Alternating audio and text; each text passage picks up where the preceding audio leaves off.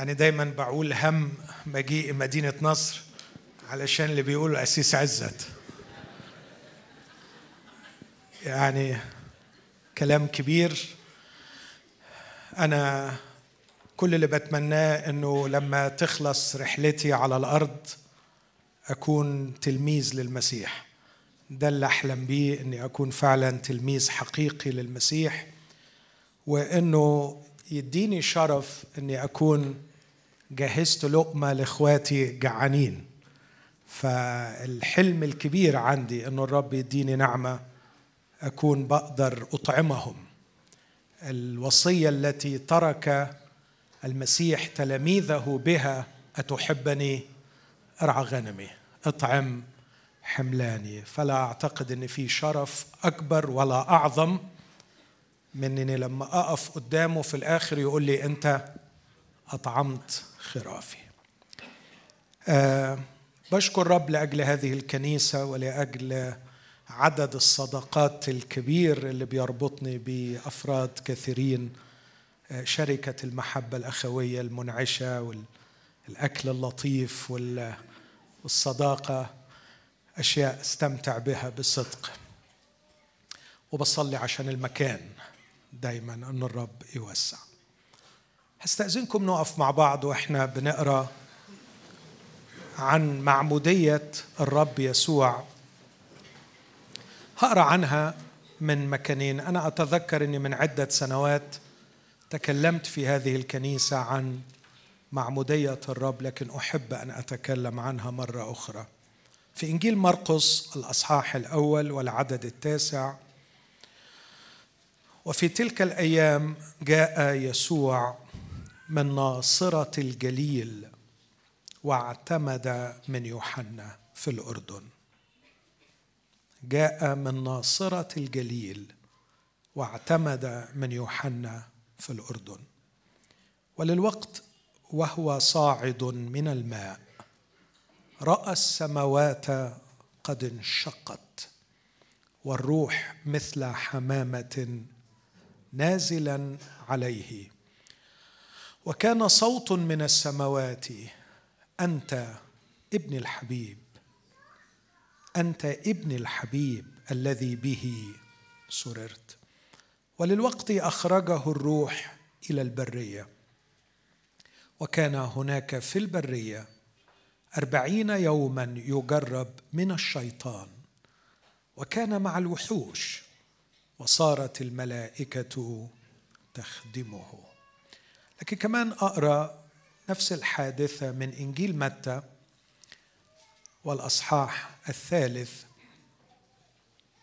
عدد 13 حينئذ جاء يسوع من الجليل إلى الأردن إلى يوحنا ليعتمد منه ولكن يوحنا منعه قائلا أنا محتاج أن أعتمد منك وأنت تأتي إلي؟ فأجاب يسوع وقال له اسمح الآن لأنه هكذا يليق بنا أن نكمل كل بر. حينئذ سمح له. فلما اعتمد يسوع صعد للوقت من الماء وإذا السماوات قد انفتحت له فرأى روح الله نازلا مثل حمامة واتيا عليه. وصوت من السماوات قائلا هذا هو ابن الحبيب الذي به سررت. آمين. هذه هي كلمة الرب. تفضل.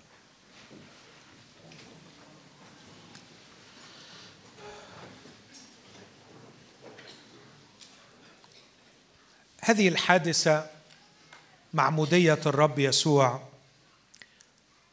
ربما لا تحظى باهتمام كبير منا إذا قسناها بحوادث أخرى زي حادثة الميلاد أو حادثة الصلب أو القيامة. مع إني أرى أنها حادثة في غاية الأهمية وجديرة بأن نتوقف أمامها ونتعلم منها. وأنا على قلبي إني أشارك بنظرة لهذا الحدث المهم الذي سجلته وكتبت عنه الأناجيل الأربعة. متى ومرقس ولوقا سجلوا الحادثة بالتفصيل؟ وكل واحد فيهم كانت له لمسته الإضافة الخاصة به وهو يسجل هذا الحدث. فمتى يشرح لنا صدمة المعمدان وهو يرى يسوع اتيا لكي يعتمد منه ومحاولة التنصل من هذه المهمة إذ استثقلها على نفسه.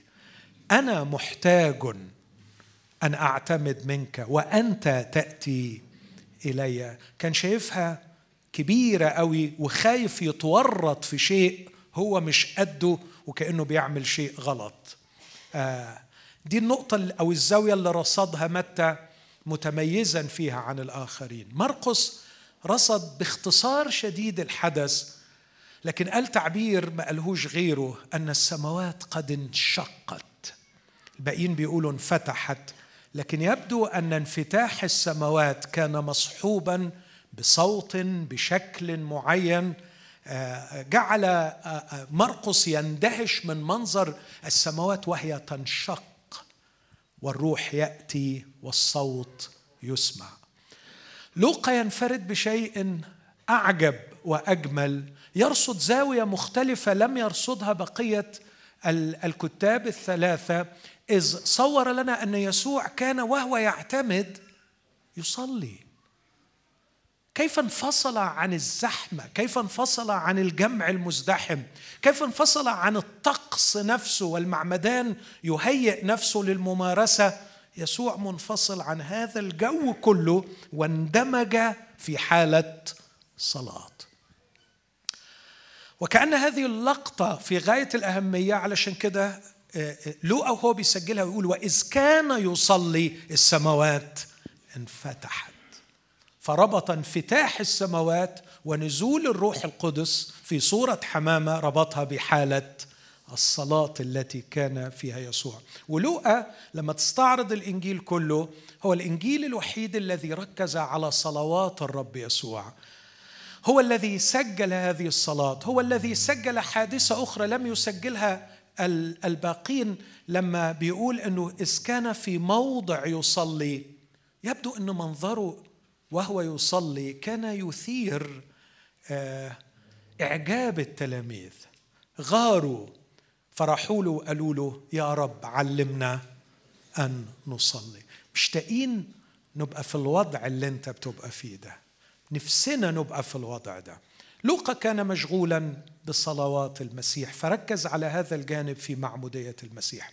أما يوحنا فيذكر أبعادا لاهوتية كعادته. هذا الذي يغوص وراء الحدث التاريخي ولا يتوقف عند أبعاد وصفية يصف ما حدث لكن يغوص في أبعاد لاهوتية. لم يذكر قصة الميلاد على سبيل المثال لكن يعطينا جوهر قصة الميلاد وأعماق وأبعاد قصة الميلاد بكلمة خلدها التاريخ نحفظها جميعا والكلمة صار بشرا أو جسدا وحل بيننا. يبعد إلى العمق ليرصد لنا الأبعاد اللاهوتية. فسجل إشارة إلى المعمودية على لسان المعمدان يقول في وسطكم قائم الذي لستم تعرفونه. شخص أتى بعدي لكنه صار قدامي لأنه كان قبلي. بعد لاهوتي رهيب. نعم إنه أتى بعدي. أتى بعدي في الزمن بالولادة بستة شهور. أتى بعدي في الخدمة بعده بستة شهور أيضا. لكن هذا لا يعني ابدا أنه بعدي. إنه قدامي.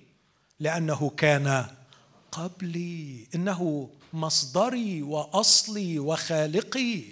الذي لست مستحقا أن أنحني وأحمل حذاءه.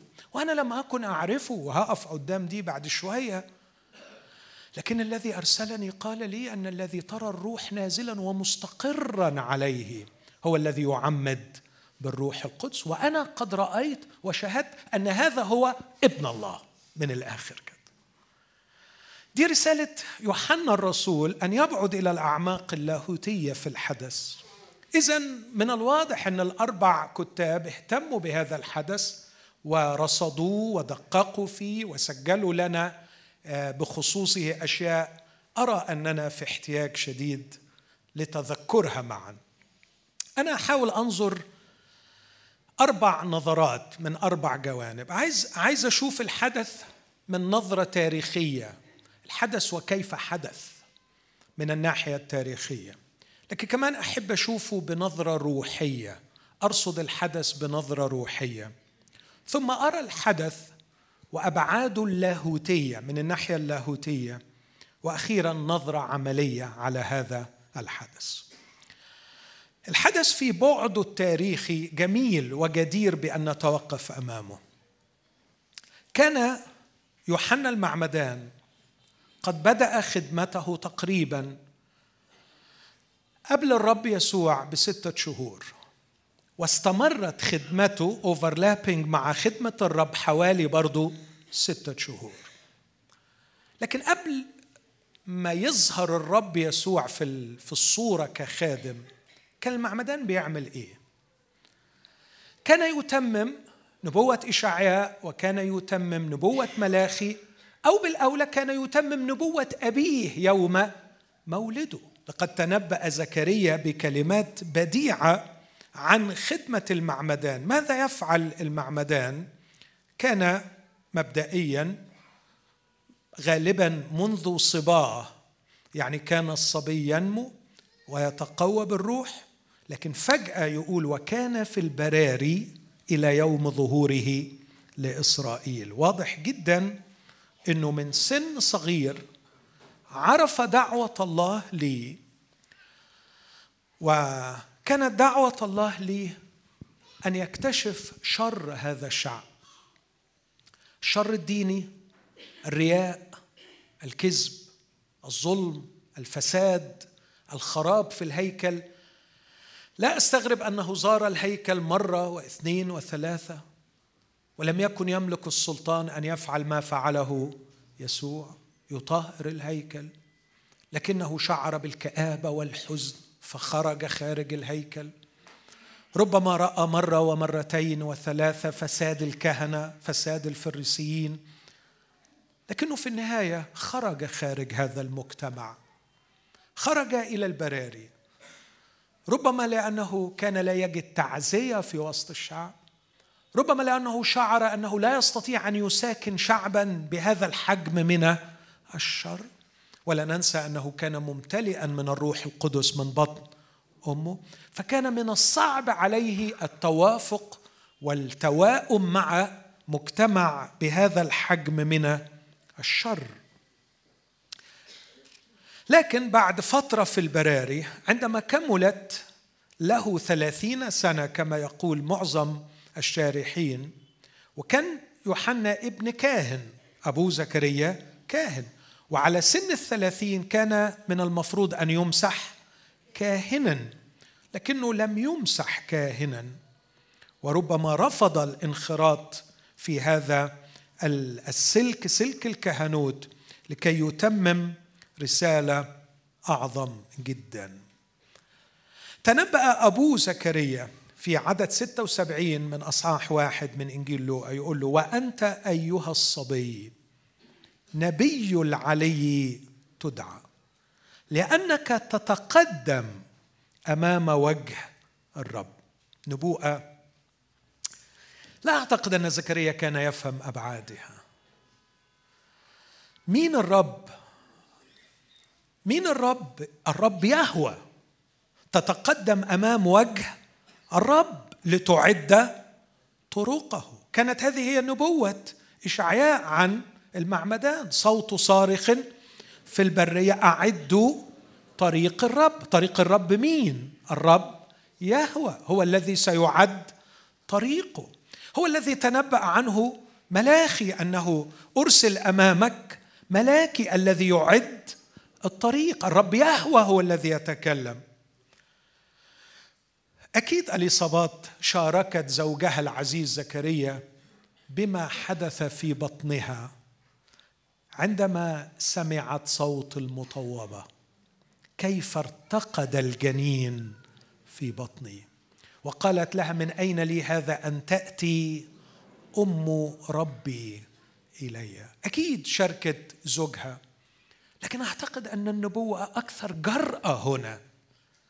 إنك تعد طريق الرب يهوى. هنا اعتراف من زكريا بأن يسوع المسيح مولود العذراء. رجل الناصرة هو الرب يهوى. تعد طريق الرب. تتقدم أمام وجه الرب لتعد طرقه لتعطي شعبه معرفة الخلاص بمغفرة خطاياهم. بأحشاء رحمة إلهنا التي بها افتقدنا المشرق من العلاء ليضيء على الجالسين في الظلمة وظلال الموت لكي يهدي أقدامنا في طريق السلام. أما الصبي عن يوحنا فكان ينمو ويتقوى بالروح وكان في البراري إلى يوم ظهوره لإسرائيل. وهو في البراري يكتر على دعوة الله لحياته. تحقق أن الرب قد دعاه لا أن يظل في البراري فالبراري كانت فترة إعداد لكن عليه أن يرجع إلى الشعب وأن يصرخ في وجوههم برسالة نارية يقول لهم توبوا لأنه قد اقترب ملكوت السماوات. كانت رسالته صادمة للمجتمع الديني وكان الشعب يخاف وابتدأ جميع الكهنة أيضا يخافون منه. لو تذكروا لما الرب يسوع سألهم قال لهم معموديه يوحنا من السماء كانت أم من الناس؟ خافوا يقولوا من الناس لأنهم خافوا لئلا الشعب يرجمهم.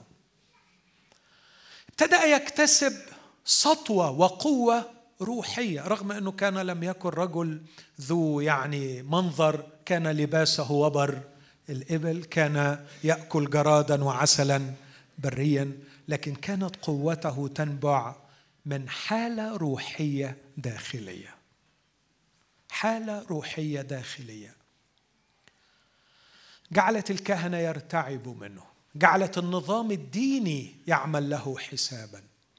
جعلت هيرودس الملك يستدعيه ويسمعه ويهابه. والكتاب يقول أنه كان يهابه عالما أنه رجل بار وقديس. اقفز قفزة سريعة للدروس العملية لكن بين قوسين وأرجع بسرعة للحدث التاريخي. هذا ما يحتاج إليه بلدنا العزيز. لا يحتاج إلى قوة مواهبنا أو فصاحتنا لكن يحتاج إلى قوة الحالة الروحية الداخلية. يحتاج إلى أشخاص يتقوون بالروح فيجذبون أنظار الجياع والعطاش إلى البر. واحب أؤكد لكم يا إخوتي الأحباء أن الجياع والعطاش إلى البر في هذا البلد ربما أكثر من أي بلد آخر زرته. هناك جموع على كل المستويات في غاية العطش إلى الله الحي الحقيقي. لكن هؤلاء لن ينجذبوا لمراسم دينية ولن ينجذبوا إلى طقوس ولن ينجذبوا إلى مواهب ولن ينجذبوا إلى فصاحة. واسمحوا لي أقول ولا حتى سينجذبوا إلى محاجة قوية لكنهم سينجذبوا إلى حالة روحية داخلية. لا تخفى معالمها. الحالة الروحية الداخلية الحقيقية لا يمكن أن تختفي قوتها وسطوتها ومعالمها. لو تخيلت أن كل موظف وكل طبيب وكل مدرس وكل عامل في مكان ذهب إلى مكان عمله وهو ينمو ويتقوى بالروح أؤكد لكم أنه سيجذب الكثيرين ليسألوه عن سبب الرجاء الذي فيه ليسألوه عن عن هذا العطش الذي في داخلهم وكيف يرويه. ابتدا خدمته ذاع خبره حتى أن لوقا في إنجيل لوقا صح سبعة يقول وجميع العشارين وجميع الشعب وجميع الشعب والعشارين إذ سمعوا رسالة المعمدان برروا الله معتمدين بمعمودية يوحنا. أما الفريسيين والناموسيين فقد رفضوا مشورة الله من جهة أنفسهم غير معتمدين منه. فالروح القدس بيعتبر إنه الناس اللي قبلوا معمودية المعمدان برروا الله اعترفوا بأن الكلام اللي بيقولوا علينا مظبوط. كان بيقول لهم توبوا وبعد ما يتوبوا يقول لهم اصنعوا اثمارا تليق بالتوبة. وبعد ما يصنعوا اثمارا تليق بالتوبة ما عندوش أي تشجيع. يقول لهم رسالة ثالثه هو ذا الفأس موضوع على أصل الشجر. كل شجرة تصنع ثمرا جيدا خلاص عظيم. والشجرة التي لا تصنع ثمرا جيدا سوف تقطع وتلقى في النار. ولما جولوا بعض الفريسين يعتمدوا منه رفض. وفاجأهم بكلام غريب. يا أولاد الأفاعي من أراكم أن تهربوا من الغضب الآتي؟ اصنعوا أثمارا تليق بالتوبة. المعمودية بتاعتي للتايبين أنتم ما تبتوش.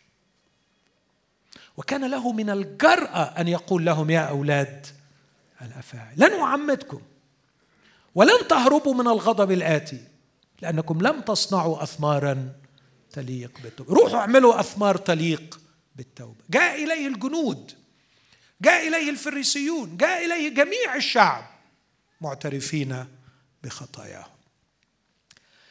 وكانت المعمودية شيئا جديدا على اليهودية في ذلك الوقت. كانوا يعرفوا الغسلات الكثيرة غسل الأيادي غسل الأرجل.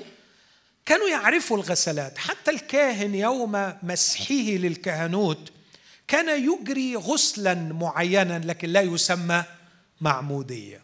كانت المعمودية شيئا جديدا. يقول البعض أنها تمت في المئة سنة التي سبقت مجيء المعمدان ومجيء المسيح. وكان المعروف منها والمفهوم ببساطة أن حالة الاتساخ قد وصلت إلى مستوى لا يصلح معه الغسل العادي لكن الأمر يحتاج إلى التغطيس والدفن وإعلان الموت إعلان الموت.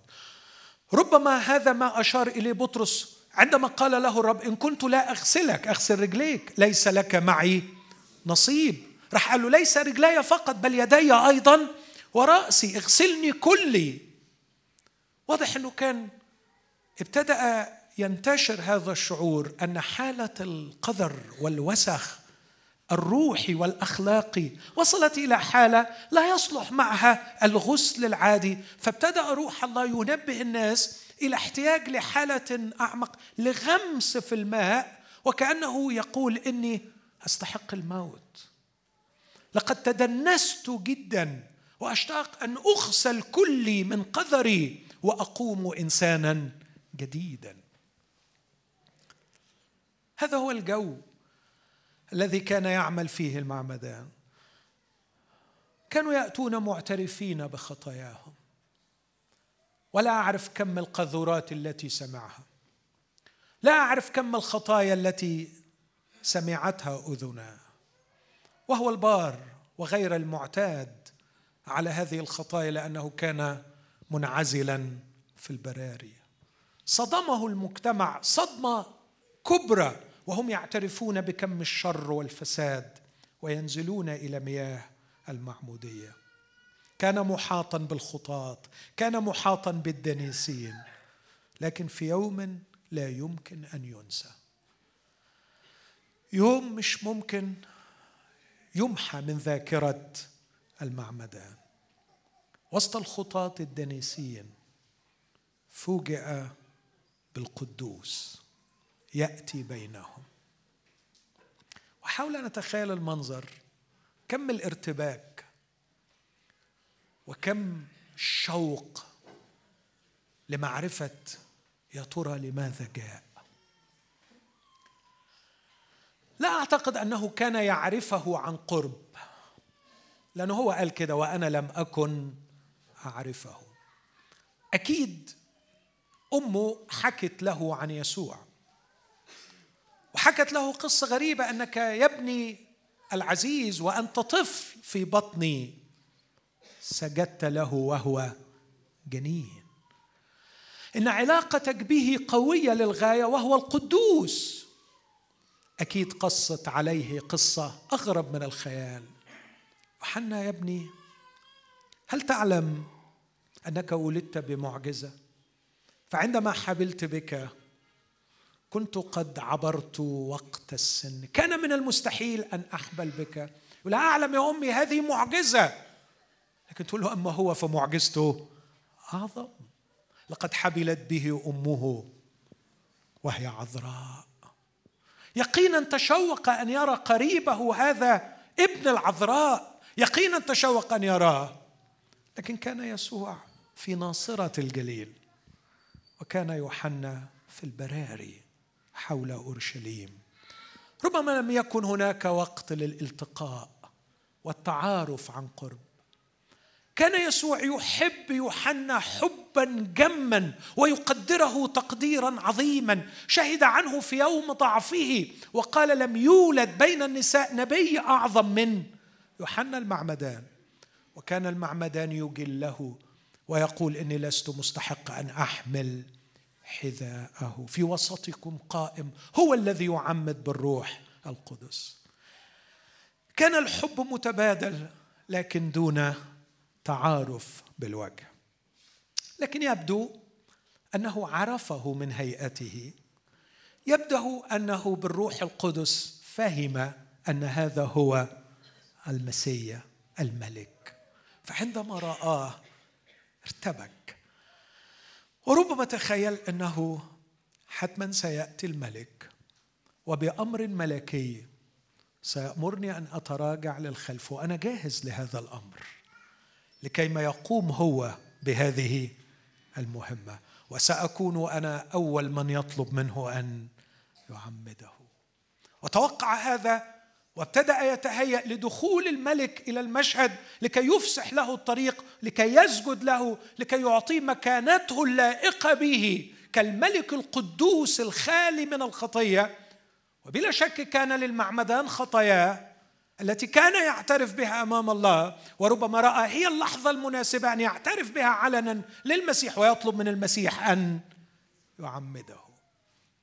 لكنه فوجئ بما لا يخطر على البال. أن يسوع يطلب منه أن يعتمد. كل علامات الاستفهام رسمت أمامه. ارتبك ارتباكا شديدا. وكل اللي قدر يقوله ما معناه الفعل في اللغة اليونانية ما يعني إنه هذا مستحيل يحدث. هذا من المستحيل أن يحدث.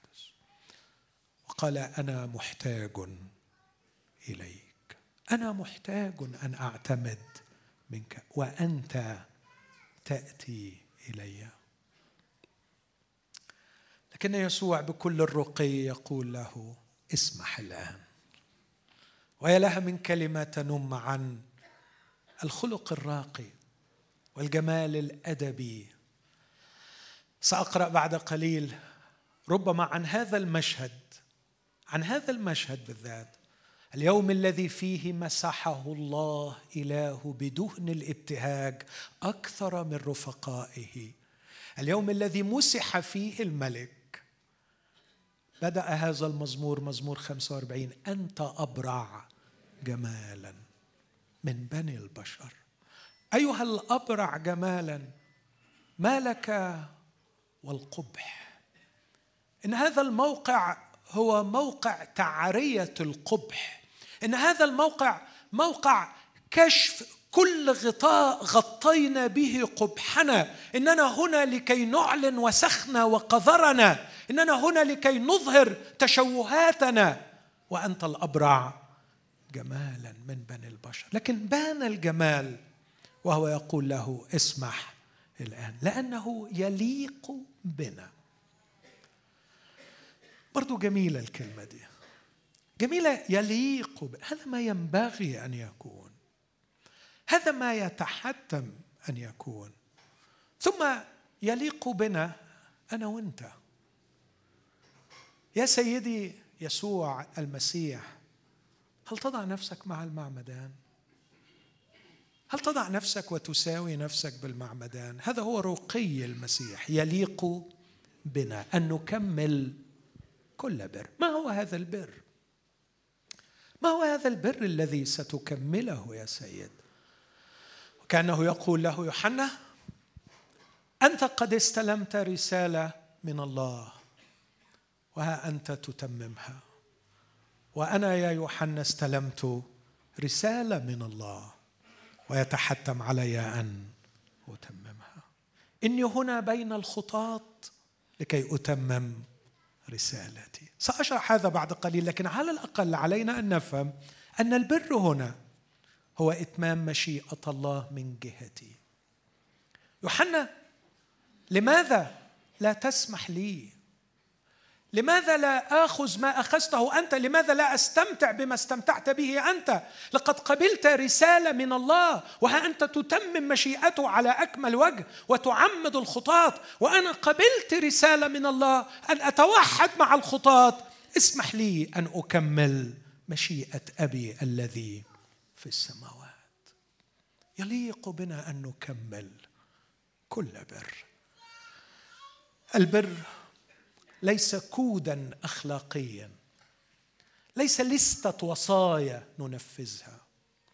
ليس لستة طقوس وفرائض نتممها. البر هو أن نفعل مشيئة الله في الصغيرة والكبيرة في كل لحظة. لا تكونوا أغبياء بل فاهمين ما هي مشيئة الرب. قدموا أجسادكم علشان تقدروا تختبروا ما هي إرادة الله الصالحة المرضية الكاملة. نكمل كل بر. إني أحب أبي وكما أوصاني الآب هكذا أفعل. إني أشتاق وأجوع للبر أن أعيش وأتمم ما يطلبه مني أبي. ولقد طلب مني أبي الا أنعزل عن الخطاة. بل أن أتوحد مع الخطاة. فاسمح الآن لكي أكمل كل بر. فسمح. سمح وأنا أعتقد أنه كان يرتعش ويرتعد وهو يغطس المسيح في الماء وكل ذرة في جسده تصرخ ما لك والخطية؟ ما لك والمعمودية؟ أنت القدوس من بطن أمك. أنت الخالي تماما من الخطية. أنت لم تعرفها ولم تفعلها وليست فيك. ليس لك أن تعتمد. لكني أخضع لك يا ملكي وإلهي. وأتمم البر بأن أسمع كلامك وأطيع وعمده. وبينما هو منهمك في ارتباكه وحيرته وأفكاره. إذ بمشاهد مرعبة تحدث. السماوات تنشق والروح ينزل في هيئة جسمية كحمامة وصوت يسمعه الجميع. ويبدو أنه تكرر أكثر من مرة بأكثر من لغة. لقد فهمه الجميع أكثر أقصد من صياغة وليس لغة. سمعه المسيح شخصيا وهو يقول له أنت ابن الحبيب بك سررت. وهذه استقبلها المسيح بابتسامة فرح. لكن سمع أيضا الصوت وكأنه شهادة من السماء لكل الجمع ربما كانت بالأرامية ربما كانت بالعبرية لكن اليقين أن كل الجمع قد فهم. هذا هو ابن الحبيب الذي به سررت. هذا هو المشهد من الناحية التاريخية. لكن أنتقل إلى المشهد ونظرة روحية. كيف أرى هذا المشهد من الناحية الروحية؟ ولما أقول من الناحية الروحية أرجوكم أحبائي دعونا ننتقل قليلا إلى العالم الروحي. وأنا دايما بستخدم كلمة العالم الروحي وأرجو أن نحترمها وندقق في فهمها. ولما أقول العالم الروحي لا أقصد الدروشه فأنا أبعد ما يكون عن الدروشه وما بحبش الدروشه لكن أعتقد إنه من الجهل والغباء أن نتجاهل أن هناك عالم روحي يوجد عالم روحي. وكررت وأكرر أن العالم الروحي أقدم من العالم المادي وأعمق من العالم المادي وأوسع من العالم المادي وأبقى من العالم المادي. لا أقلل من قدر العالم المادي لكن ما يجري في العالم المادي ما هو إلا انعكاس لما يحدث في العالم الروحي. وفي الواقع ما يحدث في العالم الروحي وفي الواقع الروحي أهم جدا جدا جدا مما يحدث في العالم المادي لأن ما يحدث في العالم المادي ما هو إلا مظهر وأثر وتأثير للواقع الروحي. لو الكلام ده كبير عليك أو شايفه صعب فكر في روحك. أنت لست كائن مادي فقط لكن أنت فيك كومبوننت روحي. أنت كائن روحي. في روحك في الداخل في الصول اللي في الداخل في النفس اللي في الداخل الخالدة التي عندما يفنى جسدك أو عندما تخلع جسدك ستظل أنت. هتفضل زي ما أنت أنت. على فكرة مش هيبقى في نسخة مختلفة منك. يعني سامح عندما بعد عمر طويل يعني عندما يخلع الجسد مش هيبقى ساهر ولا تامر لكن هيفضل سامح لأن الايدنتيتي بتاعته الهوية بتاعته مرتبطة بالسول بالنفس.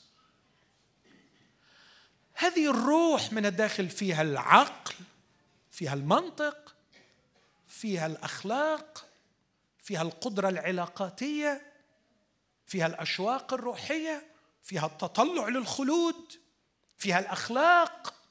في الكاركتر بتتكون جوه الروح جوه السول خلي اللي جوه معكوك.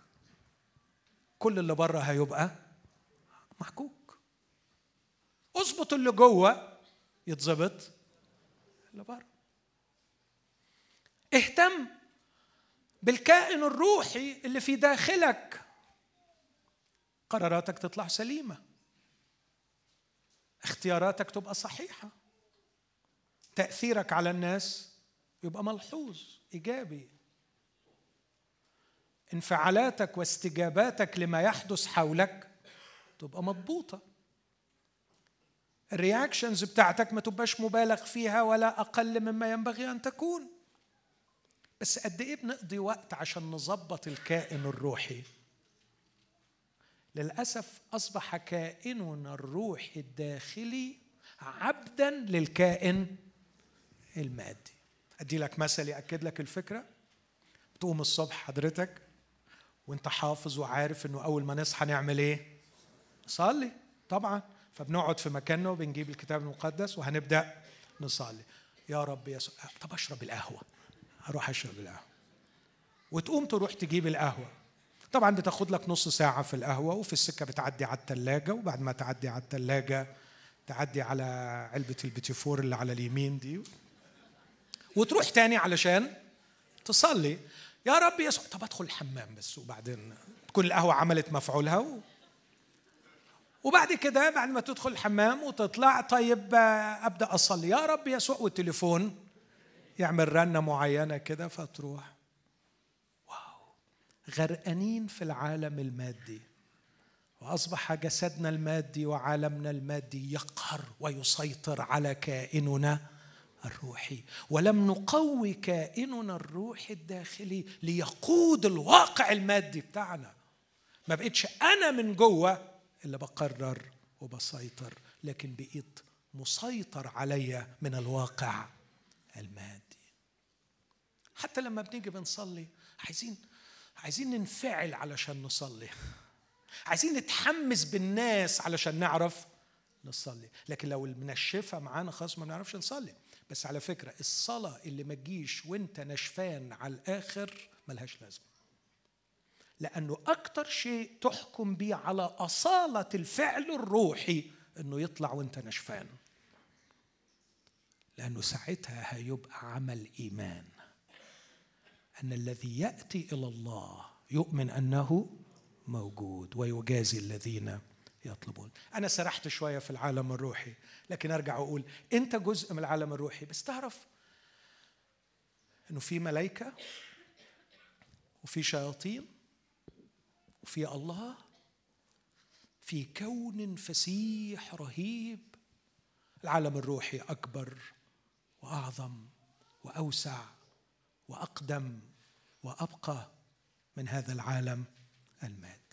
ليه بقول كده؟ لأنه حادثة المعمودية حادثة تاريخية في العالم الروحي.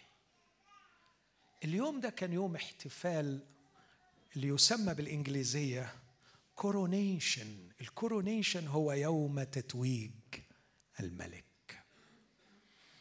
كان يوم احتفال مهيب في العالم الروحي. وكان يوم رعب مخيف للشياطين. الملك قد وصل. واليوم حفل تنصيبه. اليوم سيمسح الملك. كان الملك المختار من الله يتم مسحه بقرن الدهن. يمسح بالدهن. والذي يمسحه هو الكاهن مش كده؟ كان الكاهن هو الذي يمسح الملك. وجاء الكاهن أو ابن الكاهن والنبي اللي هو المعمدان. والملك أهو موجود لكن كأن الله يقول له اركن على جنب أنت. اركن على جنب. ده ما يمسحوش كاهن. لكن ده مين اللي يمسحه؟ الله نفسه. ولا يمسح بزيت أو بدهن لكن يمسح بالروح القدس. هذا المشهد ظل عالقا في ذهن بطرس وهو يتكلم في سفر الأعمال ويقول هذا الذي مسحه الله بالروح القدس والقوة الذي جال يصنع خيرا ويشفي جميع المتسلط عليهم. إبليس. لاحظوا أحبائي أن رسالة المعمدان كانت توبوا لأنه قد اقترب ملكوت السماوات. ذا كينجدم الكينجدم جاية الملكوت الإلهي جاي. الله سوف يقيم مملكته. ولا معنى على الإطلاق أن نتكلم عن مملكة بدون ملك. يوحنا كان بيقول أدي اللي كنت بقوله لكم. الله سوف يقيم مملكته وآدي الملك قد وصل واليوم هو يوم تنصيبه يوم مسحه ملكا سوف يمسح الملك. لكني أتعجب من نوعية المدعوين. كنت أتوقع أن المدعوين يكونوا من شرفاء الشعب. كنت أتوقع أن المدعوين يكونون من ملوك الأرض. حفل تنصيب ملك الملوك ورب الأرباب. هذا هو الملك الذي باسمه في يوم من الأيام سوف تجثو كل ركبة ويعترف كل لسان كل الأرض كل السماوات ستعترف بأن يسوع هو الملك هو الرب. يا ترى في حفل تنصيبه من هم المدعوين؟ كل واحد هيجي بالجات بتاعته. هنجيب أغنى أغنياء العالم هنجيب أعظم ملوك الأرض. لا. كان قرار الله أن يمسح ملكه وسط خطاة تائبين لكي يعلن عن نوعية المملكة التي سيملك فيها يسوع المسيح. لم آتي لأدعو أبرارا بل خطاة إلى التوبة. وإلى اليوم هؤلاء هم رعايا ملكوت الله. خطاة تائبين. إخوتي الأحباء ما أبعد الفارق بين فكر الناس وفكر الله؟ ما أبعد الناس بين فكر الدين وفكر الله؟ رعايا ملكوت الله. ليسوا هم هؤلاء الذين فعلوا البر وراء البر وراء البر وعلقوا لأنفسهم النياشين حتى صاروا قادرين أن يرفعوا عيونهم إلى السماء قائلين اللهم أشكرك إني لست مثل باقي الناس. لكن رعايا ملكوت الله. هم هؤلاء الذين يقفون خجلانين من بعيد. لا يشاءون أن يرفعوا أعينهم إلى السماء. قارعين على صدورهم. اللهم ارحمني. أنا الخاطي قرر إن ال inauguration ال coronation التتويج وتنصيب الملك يكونوا المدعوين بتوعه هم الخطاة التائبين. كتبت مرة زمان وقلت عندما نزل إلى مياه المعمودية وحمأة الأردن لكي يتوحد مع هؤلاء كان يطلب منهم باتحاده معهم توكيلا رسميا لكي يمثلهم نيابيا في قضية الجلجسه كان عتيدا أن يذهب إلى الجلجسه لكي يقول له أنا منهم. وأنا ممثلهم. ولقد وكلوني عنهم. لقد اشتركت في لحم بشريتهم. لكني أيضا توحدت معهم. يوم اعتبرت نفسي خاطئا مثلهم ووحدت نفسي معهم وهو في حالة الخطأ. كان يوحد نفسه مع الخطاة. يدحد نفسه بالخطاة. لكي يكون له الحق الرسمي والقانوني أن يمثلهم في قضية الجلجسه لكن من الجانب الثاني كان الاحتفال مفزعا مخيفا على الجانب المظلم من العالم الروحي. وكان الاحتفال مهيبا مفرحا على الجانب المنير في العالم الروحي. في العالم الروحي في جانبه المنير والعالم الروحي في كل الكتاب عندما نقرأ عنه حتى في رسالة أفسس في أفسس واحد في أفسس ثلاثة في أفسس ستة نقرأ عن دائرة السماويات ونلاقي فيها الملائكة الأبرار ونلاقي كمان الملائكة الأشرار اللي بيسميها ال high places الأماكن الروحية الأماكن السماوية. فيها أجناد الشر الروحية وفيها كمان الملائكة المختارين الأطهار. على الجانب المضيء على الجانب المنير حدث أمر عجيب. لقد انشقت السماوات. يعني إيه انشقت السماوات؟ يعني كان في سحابتين كده راحوا بعدوا عن بعض. إيه رأيكم في التفسير الخايب ده؟ طيب لا بلاش. هي كان في سحابة واحدة راحت مشقوقة في النص. أخيب. انشقت السماوات. ما هذا؟ أعتقد يا إخوتي اعتقاد قد أكون مخطئا فيه أن الملائكة في السماوات بعضهم له خدمة مرتبطة بسكان الأرض ارواحا مرسلة للخدمة للعاتدين أن يرثوا الخلاص. لكن ليس كل ملائكة الله لهم رسالة متعلقة بالأرض. فالكتاب كلمنا عن ربوات ربوات وقوف قدامه وألوف ألوف تقدمه. فواضح أن الواقفين قدامه أكثر من الذين يرسلون للخدمة. هناك عالم ضخم من الكائنات الروحية التي ربما لا نعلم عنها أي شيء. اسمع العبارة دي في أفسس ثلاثة. أحني ركبتي لدى أبي ربنا يسوع الذي منه تسمى حد فاكر؟ كل عشيرة. عشيرة. كاتيجوري معين فين؟ في السماوات.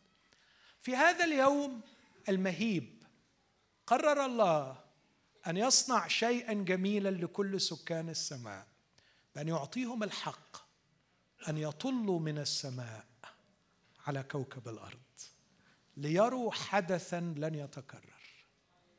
تنصيب الملك لكي يروا يسوع الجالس على العرش الذي عبدوه وسجدوا له ولم يزالوا يسجدون له. ابن الإنسان الذي نزل من السماء والذي هو في السماء. سأريكم ربكم وخالقكم في ثوب البشر. سأريكم إياه يوم يبدأ ملكه. ملكا عجيبا غريبا سنفهم أبعاده. هلموا يا سكان السماء اجتمعوا فالله يقدم لكم احتفالا رهيبا اليوم ويقدم لكم هدية لا تخطر على البال. سيفتح لكم السماوات لكي تطلوا وتبصروا ما يبتهج هو به. لكي تسمعوا منه ماذا سيقول عن ابن محبته؟ سيغني الله اسمعوا الآب وهو يغني أغنيته لابنه. اسمعوه وابتهجوا وأنتم تنظروا حفل تنصيب الملك. هنا أسرح في خيال طفولي شوية وبشوف الملائكة وهم بيتزحموا علشان يبصوا. أكيد ما كانوش بيتزحموا. أكيد كان كلهم ليهم الحق أن يبصروا. إخوتي لا أدعي لا أعتقد أني أبالغ ابدا وكيف أبالغ؟ وهناك أمور مختصة بالخلاص. قال عنها الكتاب أمور تشتهي الملائكة أن تطلع عليها. تطلع عليها يعني تتفرج عليه إذا كانوا يشتهوا أن يتطلعوا إلى الأمور المختصة بخلاصنا فكيف لم يشتهوا أن يبصروا الملك وهو يتوج؟ كان منظرا بديعا. لكن أعجب شيء في هذا المشهد. ما الذي انسكب على رأس هذا الملك؟ لم ينسكب عليه دهن من هذا الذي انسكب على رأس شاول أو على رأس ياه ولا حتى من القرن الذي انسكب على رأس داوود. لم يكن ينسكب عليه رمز لكن انسكب عليه الروح القدس.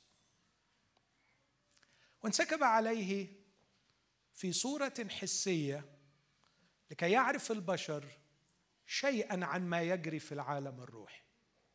لو كان الروح القدس انسكب عليه فقط دون علامة حسية ما كانش البشر قدروا يفهموا إن في حاجة بتحصل.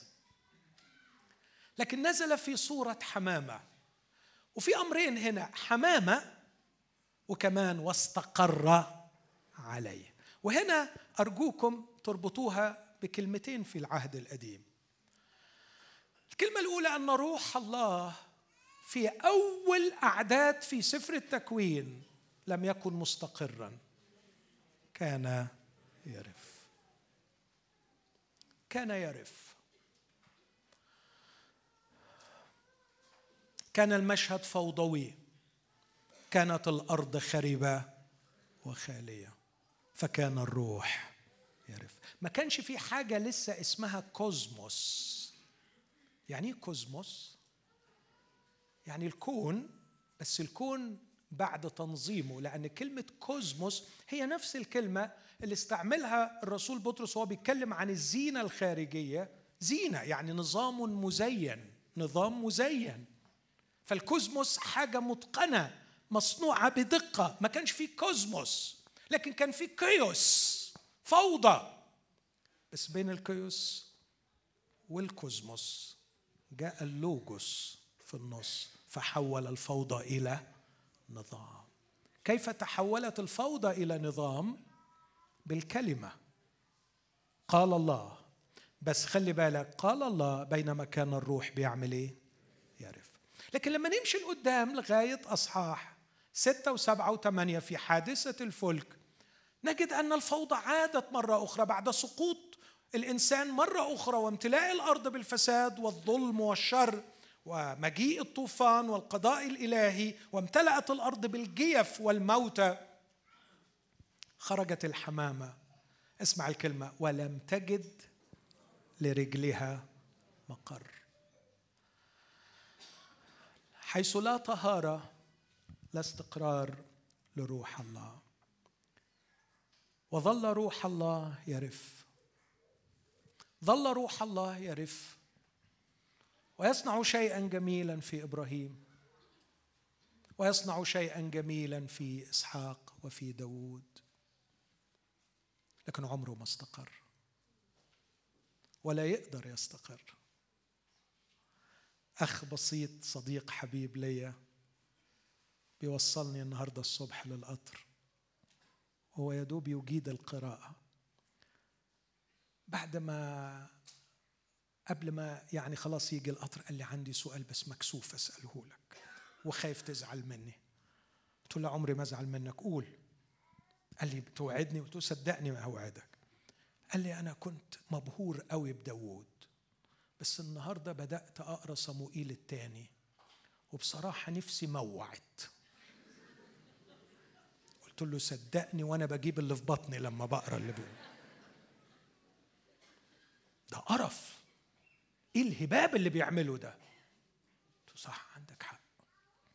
اوعى على فكرة ترفض الإحساس ده لأنه ده معناه إنك بتقرأ الكتاب بتدقيق وباخلاص أيوه اللي يقرأ البلاوي دي ونفسه ما تموعش يبقى ما كانش بيقرأ ده كان بياخد بركة.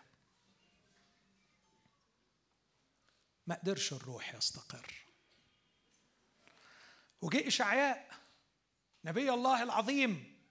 طب دخلوا مقادس الله واسمع هيقول إيه؟ صرخ الراجل وقال ويل لي إني هلكت. طب أساف؟ دخلوا مقادس الله. قال لك صرت كبهيم عندك. آه يا إخوتي الجميع زاغوا. وفسدوا معا. لكن في العالم الروحي حدث شيء بديع. وجد إنسان هو إنسان بكل ما تعنيه كلمة إنسان اشترك في اللحم والدم تماما مثل باقي البشر بس الغريب خالي من الخطية. بلا شر ولا قدوس. قدوس قدوس قدوس. تتقال له وهو في العرش وتتقال له وهو في المعمودية. وهو بين الخطاة نسجد أمامه ونقول له قدوس قدوس قدوس. بس الحقيقة مش إحنا اللي قلناها وما كانش مطلوب مننا اللي إحنا نقولها لكن الله هو الذي قالها عندما جعل الروح يعمل إيه؟ يستقر عليه. كان يوم تنصيب الملك كان يوم إطلاق المملكة. لقد وصل الملك وابتدأ مملكته بين الخطاه وفي هذه المملكة وضع على رأسه التاج.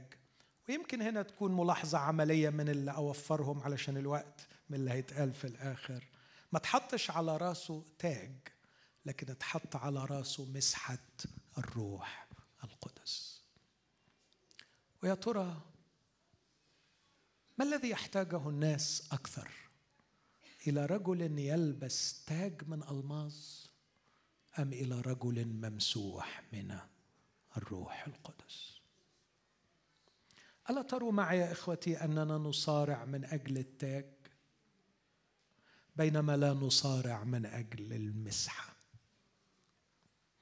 ألا تروا معي يا إخوتي أننا خبنا كثيرا وصار لكل منا تاجه تاجه لقب خايب أو مجرد نشان تافه بينما الناس من حولنا في شديد العوز إلى مسحة الروح. مسحة الروح. ماذا تفعل مسحة الروح؟ كمل الحكاية. في كل الأناجيل الأربعة خصوصا الثلاثه يوحنا مش مش قصده يسجل الحوادث التاريخية لكن الاناجيل الثلاثه بتأكد على إنه أول ما خرج من مياه الأردن راح للبرية. راح للبرية يواجه مين؟ إبليس. وهو وصف الحكاية دي في متى 11 وقال إنه القوي يحفظ داره متسلحا حتى يأتي من هو أقوى منه فينزع سلاحه الكامل وبعدين يبدأ يوزع غنائم. ده اللي عمله يسوع في البرية. اسمع الكلمة دي يقولها لوقا. رجع يسوع من الأردن ممتلئا بالروح. طالع من الأردن مليان بالروح. بطرس يعلق عليها ويقول كيف مسحه الله بالروح القدس والقوة الذي جال يصنع خيرا ويشفي جميع المتسلط عليهم إبليس. إذا كنت شايف العالم حواليك في شديد البؤس تحت سيادة إبليس فالعالم يحتاج إلى رجل ممسوح من الله. يحتاج إلى امرأة ممسوحة من الله. وأنت تستطيع أن تكوني تلك المرأة وأنت تستطيع أن تكون هذا الرجل. متى يتغير فكرنا الأحمق عن ما هو التاج الذي نتوج به؟ ليس التاج هو تاج الجواهر والألماس لكنه التاج الذي توج به ربي يسوع مسحة الروح. إخوتي الأحباء إذا مسحني الله بالروح فأنا أعظم من إليزابيث وأنا أعظم من نابليون ولا تلزمني كل تيجان الدنيا إذا أكرمني الله بمسحة الروح. عندما أسير في خطى يسوع المسيح لا أريد صولجانا يوهم الناس بالقوة لكن أريد قوة الروح التي تغير في حياة الناس بفعل حقيقي. القوة ليست مظهر من الخارج. الناس يستمدون جلالهم الملكي من مظاهر خارجية من طبيعة رخام القصور ومن بوابات القصر. ومن ثريات القصر ومن منظر الحرس وكيف يتبدلون وكيف يلبسون وكيف يسيرون. هذا يهبهم جلالهم الملكي. يسوع كان لا يستمد جلاله الملكي من شيء خارجي كان يستمده من مسحة الروح الداخلية. وإيه اللي فرق مع الناس؟ الجلال الملكي الخارجي ولا القوة؟ قوة الروح. تعرف لما طلع من الأردن ذهب يسوع ممتلئا بالروح ذهب يسوع بقوة الروح له أربعة يقول روح السيد الرب علي لأنه مسحني فين؟ في المعمودية لكي أعمل إيه؟ لأشفي لأبشر المساكين لأشفي المنكسرين القلوب. لأنادي للمأسورين بالإطلاق والعمي بالبصر وأرسل المنسحقين في الحرية. إمتى نقتنع أن الناس محتاجة إلى شيء أكثر من الوعظ؟ إمتى نفهم أن الناس محتاجة لشيء أكثر من مجرد التعليم؟ إمتى نفهم أن الناس محتاجة إلى مسحة الروح؟ والروح موجود والمسحة التي أخذناها موجودة. لكنها حزينة في داخلنا بسبب تراخينا وتهاوننا وخطايانا الكثيرة. اذا كان هذا يوما مشهودا يوما عظيما. يعوزني الوقت أن أضيف لأؤكد أنه ده كان يوم تنصيب الملك. لكن عايز أقول لما هنوصل السماء ونبدأ نقرأ الأجندة بتاعت السماء والجورنال بتاع السماء ونقرأ هنلاقي أن اليوم ده كان من أهم الأيام في تاريخ العالم الروحي. يوم وصل يسوع إلى العالم وبدأ تأسيس المملكة. انظر نظرة لاهوتية سريعة وأقول تعود التقليد المسيحي أن يسمي هذا العيد الإبيفاني والإبيفاني تعني الظهور ويسمونه عيد الظهور الإلهي لأنه الحقيقة في المعمودية هناك ظهور إلهي بديع. خلوني أعدده بسرعة شديدة وسريعة جدا. أولا ظهر الثالوث كما لم يظهر من قبل. الثالوث ظهر. في هرطقة مسيحية ظهرت بعد كده في نهاية القرن الثاني اسمها الموداليزم. الموداليزم بتقول إن الله واحد لكنه يظهر في ثلاث هيئات لكنه ليس فيه ثلاث أقانيم. فهو واحد بس بيطلع في ثلاث هيئات. فمرة يظهر لنا الآب مرة يظهر لنا الابن مرة يظهر لنا الروح القدس. حادثة المعمودية تدحض هذه الهرطقه ترميها خالص في الزبالة. ملهاش أي لازمه لأنه نحن هنا لسنا أمام شخص في ثلاث هيئات لكن أمام ثلاث أشخاص. فالآب يتكلم من السماء. والابن في مياه المعمودية يستقبل رسالة الحب. أنت ابني الحبيب والروح نازل في صورة حمامة. ظهر الثالوث. في الأعمال العظمى يظهر الثالوث. كان الكلام بلغة المفرد بلغة المفرد بلغة المفرد في تكوين واحد من عدد واحد لغاية عدد 24 في عدد 24 نلاقي اللغة تتغير وقال الله نعمل الإنسان على صورتنا كشبهنا. عند الخلق ظهر الثالوث وعند الملكوت. تأسيس المملكة ظهر الثالوث. في الأعمال العظمى يظهر الثالوث. لكن أيضا في ظهور آخر. لقد ظهر لاهوت المسيح بشكل واضح وبين بشهادة ليست من الناس ولا من المعمدان لكن من الله. وتعليقا على هذه الشهادة التي سمعها المعمدان يقول مقررا ويشهد ويؤكد على أنه ليس هو المسيح لكنه قال هذه الكلمات الذي أرسلني قال لي الذي ترى الروح نازلا ومستقرا عليه فهو الذي يعمد بالروح القدس. وكلمة يعمد بالروح القدس يعني كلمة صعبة قوي وعشان كده ما ينفعش حد يعمد بالروح القدس إلا الإبن لأنه ده أقنوم إلهي. يعمد بالروح القدس وبعدين يكمل يقول وأنا قد رأيت وشهدت أن هذا هو ابن الله. جابها منين؟ لما سمع في المشهد الرهيب ده الآب بيقول له أنت هو ابن الحبيب الذي به يتكلم عن علاقة بنوية أزلية في اللاهوت بين الآب والابن الحب الأزلي الذي يربط الآب بالابن وسمعه يقول للناس هذا هو ابن الحبيب الذي به سررت. هنا نرى أيضا مشهد الملكوت مرتبط بالبنوة الأزلية للابن مزمور اثنين. زي ما نشوف مزمور 45 نشوف مزمور اثنين لماذا ارتجت الأمم؟ تفكر الشعوب بالباطل. تآمروا على الرب وعلى مسيحه. وبعدين إني أخبر من جهة قضاء الرب. قال لي أنت ابني وأنا اليوم ولدتك. ولاحظ التمييز بين الابن والولد. يولد لنا ولد ونعطى ابنا. لاحظ الولد يولد الابن يعطى. نفس الكلام. أنت ابني أنا اليوم ولدتك. فهو من الأزل الابن الوحيد الذي هو في حضن الآب لكنه ولد في الزمان. ولد ملكا لكي يملك.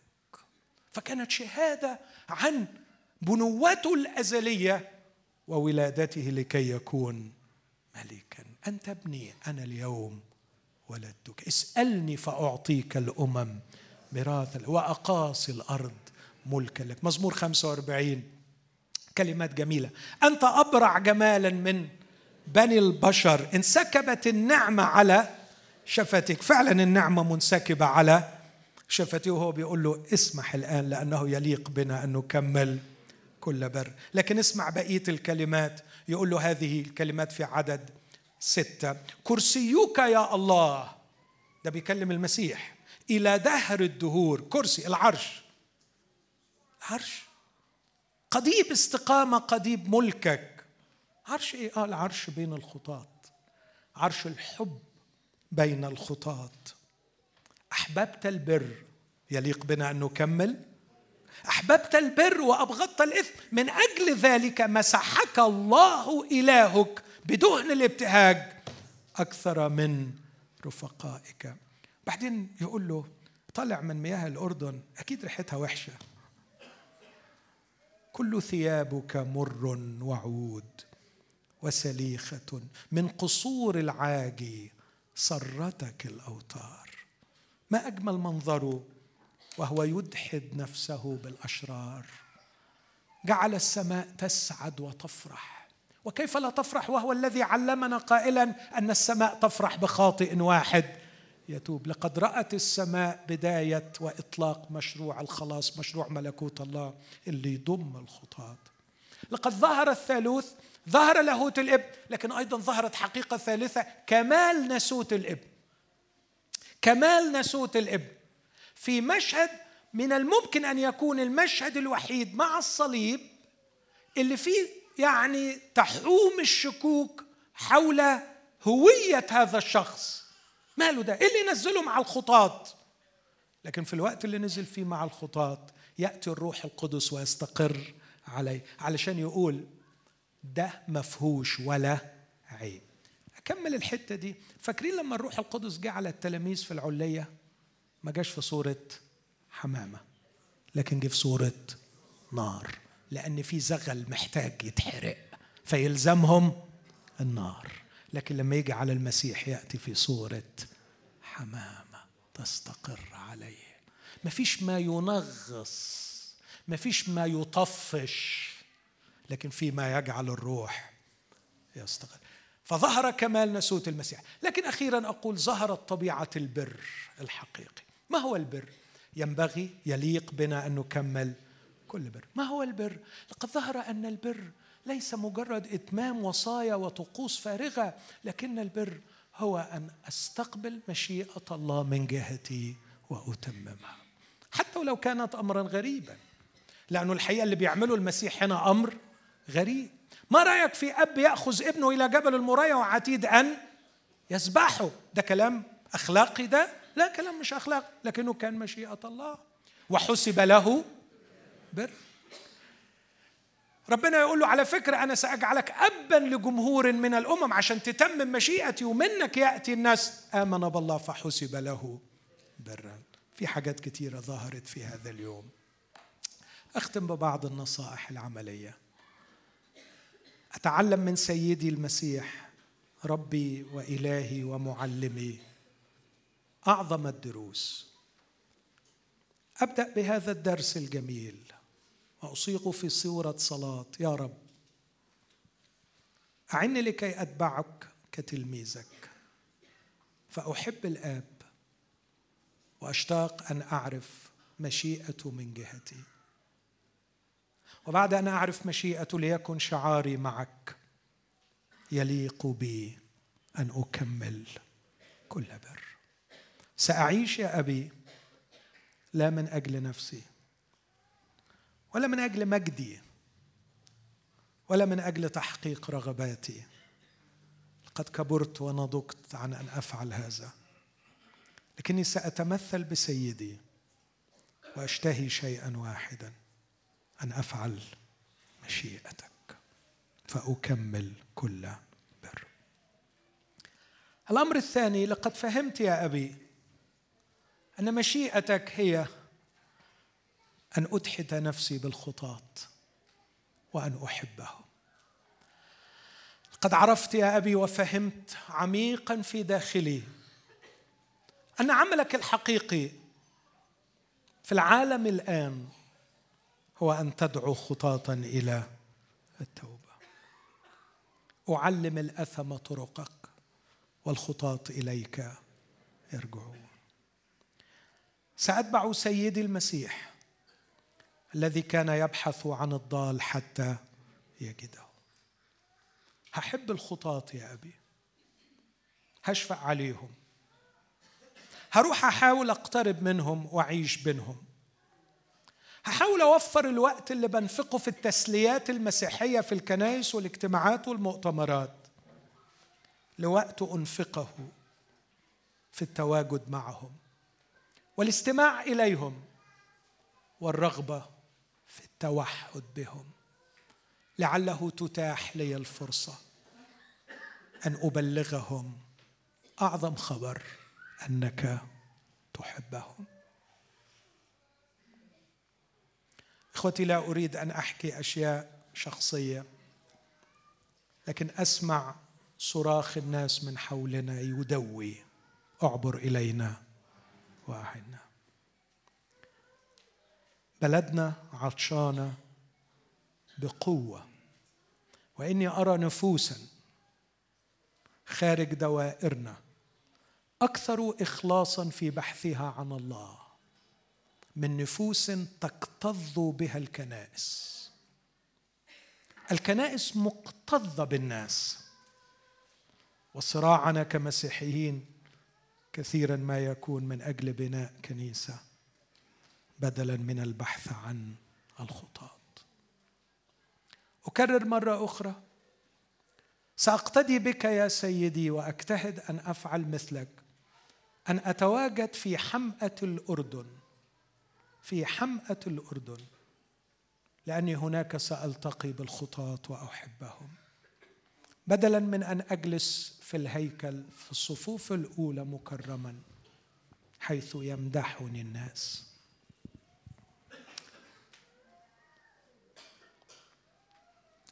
سأحاول أن أتعلم لغتهم. وسأحاول أن أعبر الجسور إليهم. بل سأحاول أن أبني الجسور بيني وبينهم. لعلي أستطيع أن أصل إليهم وأقول لهم أنك تحبهم. كتير بقول النصيحة دي للآباء والأمهات. بيشتكوا لي دايما شكوى بتتكرر كتير قوي خصوصا من الخارج ومن الداخل. الحقنا يا دكتور نعمل إيه؟ ابني ورطنا في الفضيحة دي بنتي ورطتنا في الفضيحة دي. بنتي عملت كذا ابني عمل كذا أروح فين وأجي منين؟ فكتير بقول التشبيه ده. أقول له لما ابنك ينزل في الوحل أرجوك أرجوك عشان خاطر ربنا. ما توقفش على حافة الوحل وتقعد تقول إيه اللي عملته في روحك يا غبي؟ أنت إزاي تعمل العملة السوداء دي؟ أنت وتبدأ تديله مواعظ أو تفسر له لماذا سقط. هو لا هيتحمل تفسير ولا هيحتمل وعظ. اخلع حذائك وشمر بنطلونك وانزل. انزل معاه للوحل بتاع هذه نصيحتي لكل الآباء. لما ابنك يقع في الوحل ما توعظش كتير. شمر وانزل. وفي الوحل امسك ايده وقول له تعالى نشوف طريقة بيها. نطلع. الأب السماوي عمل كده. بعت ابنه مش يقعد يقول لنا إزاي نطلع من الوحل لكن نزل للوحل بتاعنا. نزل لحمقة خطايانا نزل معانا. وكل ابن حقيقي للآب المحب مطلوب منه ينزل للناس وهم في وحلهم. لكني أيضا يا أبي سأتعلم درسا عظيما. لن أعبأ بما سيقوله الناس عني. سأترك لك مهمة أن تعلن أنت هويتي. لن أضيع وقتي في أن أبرر تصرفاتي. لو كان المسيح قضى وقتا ليبرر تصرفاته كيف ينزل إلى مياه المعمودية وكيف يشرح للمعمدان لكان قضى ساعات ولن يفهم أحد. لكنه نزل وعندما نزل هو السماء عملت إيه؟ تكلمت بأعلى صوت. ضعش وقتك إن أنت تتكلم عن نفسك. سيب السماء تتكلم عنك وتكشف هويتك. سأتبعك يا سيدي في هذا الدرس وسأحاول أن أختبر هذا النضوج الذي يجعلني لا أضيع وقتي في أن أبرر تصرفاتي التي أعملها كمشيئتك. وأترك لك أنت أن تبررني. لكن أخيرا أقول يا أحبائي كانت الحرب شعواء في البرية. أربعين يوم يجرب من إبليس. كان مع الوحوش. بس لاحظ الحرب كلها كانت حوالين كلمة واحدة. إن كنت ابن الله. سمعها فين دي؟ في المعمودية. في المعمودية. عندما أكون متيقنا من هويتي التي سمعتها في شركتي معه سأصمد في تجربتي. عندما يجربني العدو. اليقين من البنوة هي التي جعلته يصمت في معركته مع إبليس. ممكن نتناقش فيها كتير لكن ما أعتقدش إنها صدفة إنه يسمع في المعمودية ابني وتيجي الحرب كلها حوالين كلمة إن كنت ابن الله. قبل ما تخرج للعالم امكث أمامه لكي تتيقن من هويتك ولما تبقى عارف انت مين وعارف هويتك كل سهام العدو سوف تطيش. حلو يسوع؟ ملك حلو. عرفتوا خدتوا بالكم من نوع الملك بتاعه؟ طب عايز عايز أسأل سؤال بجد. أنا ما رسمتهم ما رسمتهوش ليكم على حصان ولا ماسك سيف أو صولجان. ولا لابس رداء من اسمنجوني فخم ولا على راسه تاج من ألماظ. طب لو أنا عملت كده دلوقتي أحلى ولا الصورة اللي أنا رسمتها الأول أحلى؟ يسوع في حمأة الأردن وغمقاته بين الخطاط يحني رأسه أمام عبده وخادمه ويقول له اسمح الآن ويرسل الآب الروح القدس. ويعمل المسحة ويعمل الانوجوريشن تنصيب الملك. يتحب في أنهي مشهد؟ إني مع ذوي العيون البصيرة المفتوحة أرى مجد ملكه في هذه الصور. إني مع هذا اللص الشريف التائب الذي رأى مجد الملك في المسيح وهو مصلوب. ده أصعب. لكن يقول له اذكرني يا رب متى جئت في ملكوتك هل نشتهي هذا المجد الملكي؟ هل نفرح ونفتخر بهذا الملك؟ هل نسعد به وهل نحب أن نتبعه في هذا الطريق؟ ولا لسه هيفضل مجد العالم عمال يلعب؟ في عقولنا عايزين إيه من العالم يا جماعة؟ قولوا الله يخليكم. عايزين إيه من العالم؟ عايزين إيه من العالم بجد؟ عايزين آه لو يسمح لي لو يسمح لي أكشف ما يحكيه أصحاب المجد في العيادة النفسية. يا على الغلب يا على البؤس. وفي أيديكم مفتاح المجد الحقيقي. لكننا نهمله مخدوعين ومسحوقين بخداع إبليس. تيجوا نستخبى في محضره. تيجوا نظبط عالمنا الداخلي؟ تيجوا نبدي الصلاة عن القهوة؟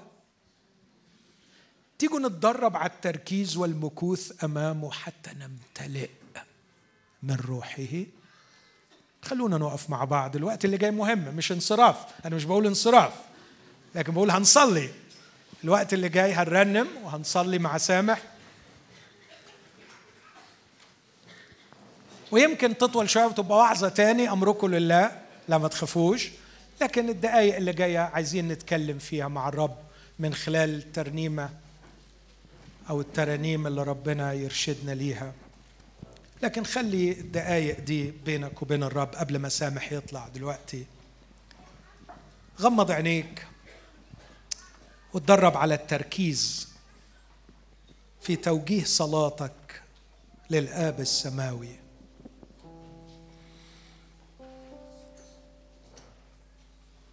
وركز على حاجتين.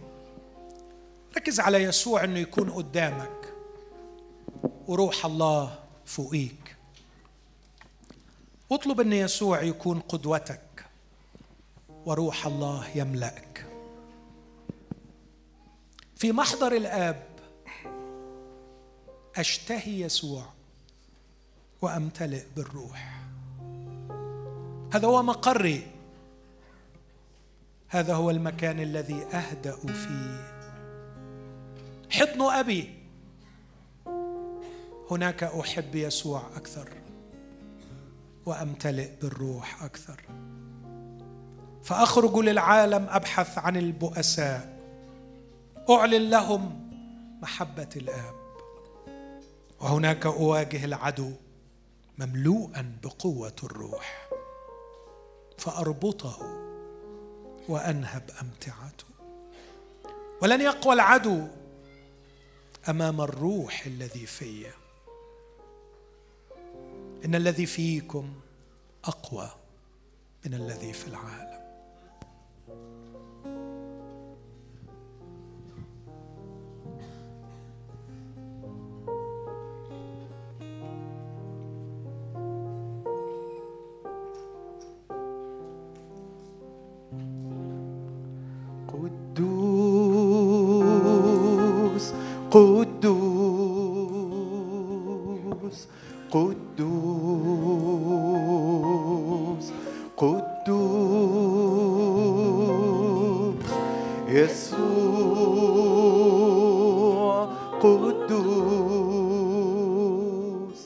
يسوع قدوس ها صوت الملائكة تشمل في محضرك يهتفون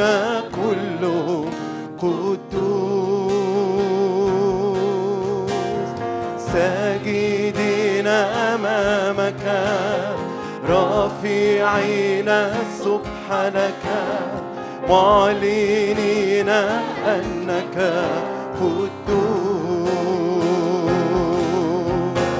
هيا نقوم كلنا نرفع أصواتنا.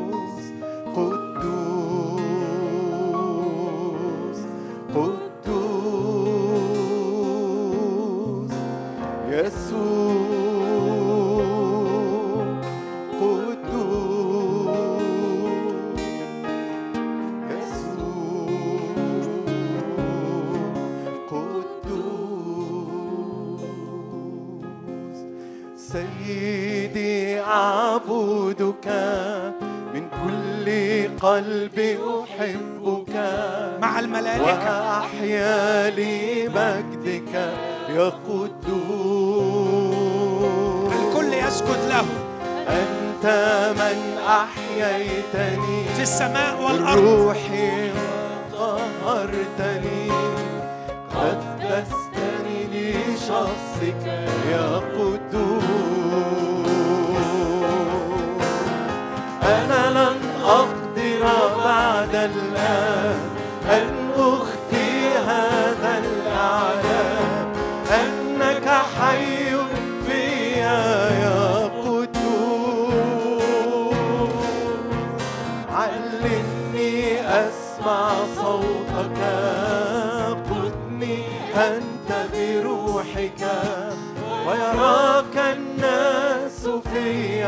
of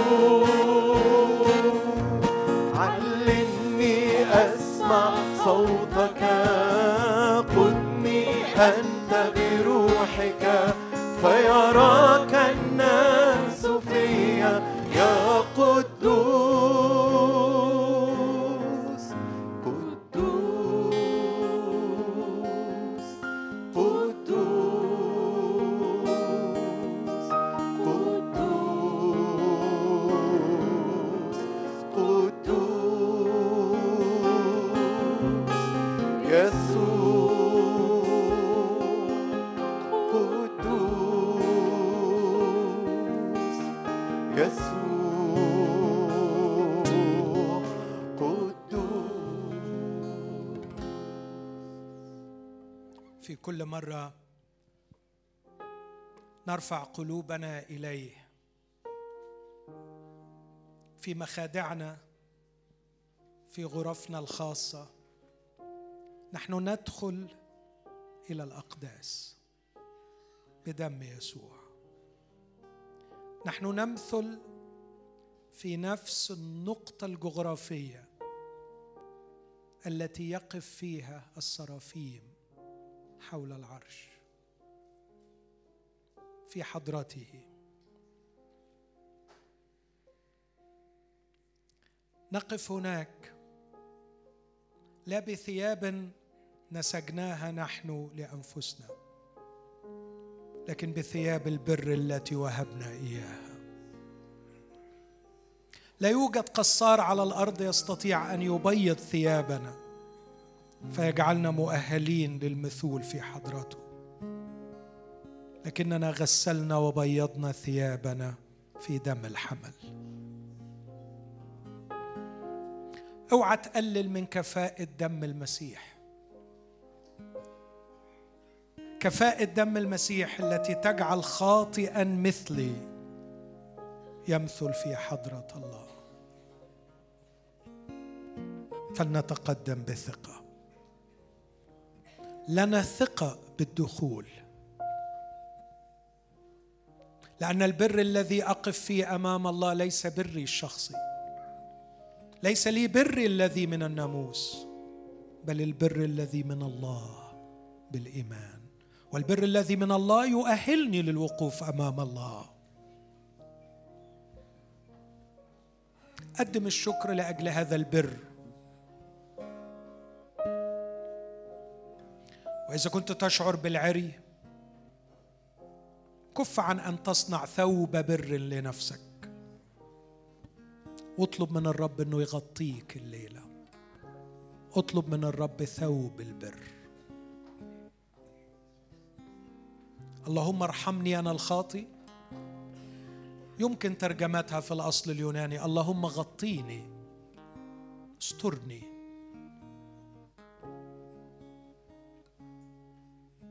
الله هو الذي يبرر. تعال بعريك للرب. تعال بخزيك للرب. تعال فكلنا كنا في موقفك. مخزيين عراة.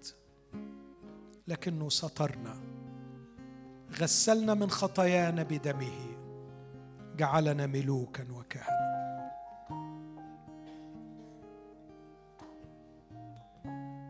أرجوك ما تتركش هذه القاعة إلا وأنت حددت موقفك. هل ستظل عاريا؟ أم ستكتفي بثوب بر أنت تصنعه لنفسك؟ أم تطلب من الرب أن يكسوك ببره؟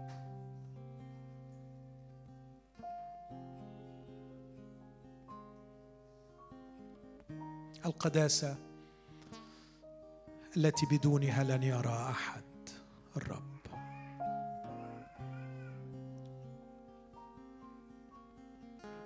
إخوتي أرجوكم في اللحظات الآتية خلونا نعترف للرب بتهاوننا في الحياة.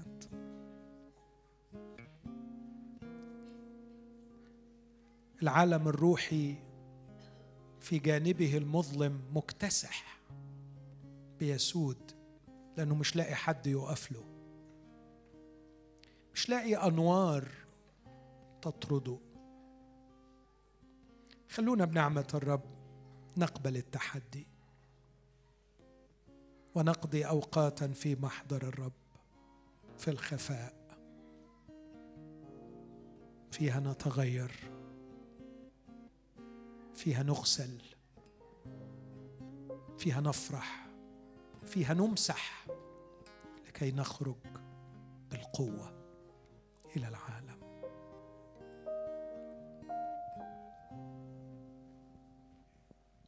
خذني ربي في حماك أجد ستري في دماك. نعم. راحتي عند صليبك يا قدوس نعم نعم.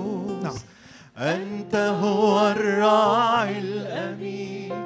من قادني عبر السنين. على كفيك نقشتني يا قدوس. منيتي ربي وشهوتي. أن تتغير صورتي. لأحيا حياتي بشبهك يا قدوس. اختن لي قلبي العنيد فهو العائق الوحيد. بين وبين كمالك يا قدوس. أصرخ معايا. يسوع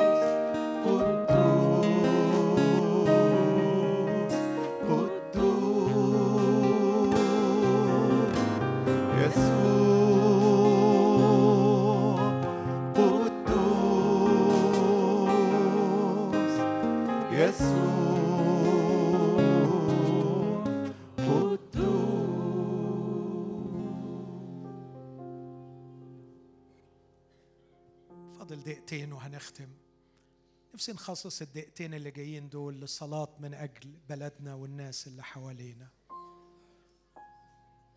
قول له يا رب اهدي طريقي إلى العطشانين. واهدي طريقهم إلي. املأني بالحماس لمحبتهم. واملأني بالاستعداد لكي أجيبهم إذا سألوني. كل يوم وأنت طالع من بيتك.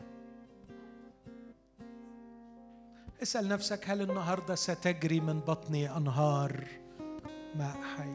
قال هذا عن الروح القدس.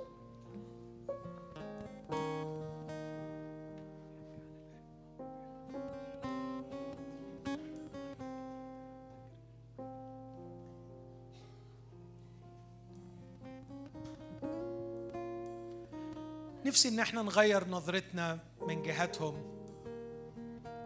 ما يبقاش كسب زبون. ما يبقاش تسجيل هدف.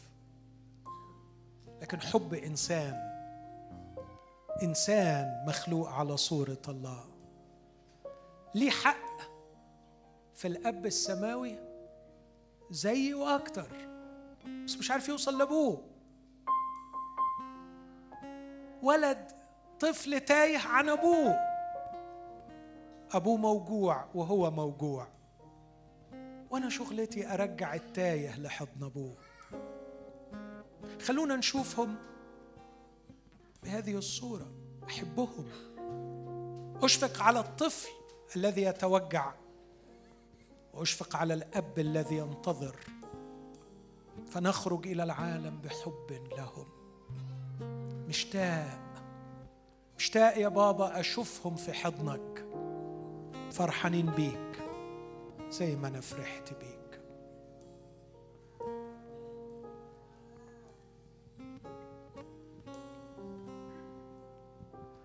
أرضنا عطشانة بجروح مليانة من فيت حبك ترويها. لمسة إيدك تشفيها. وتردها تاني إليك أرضنا عطشانة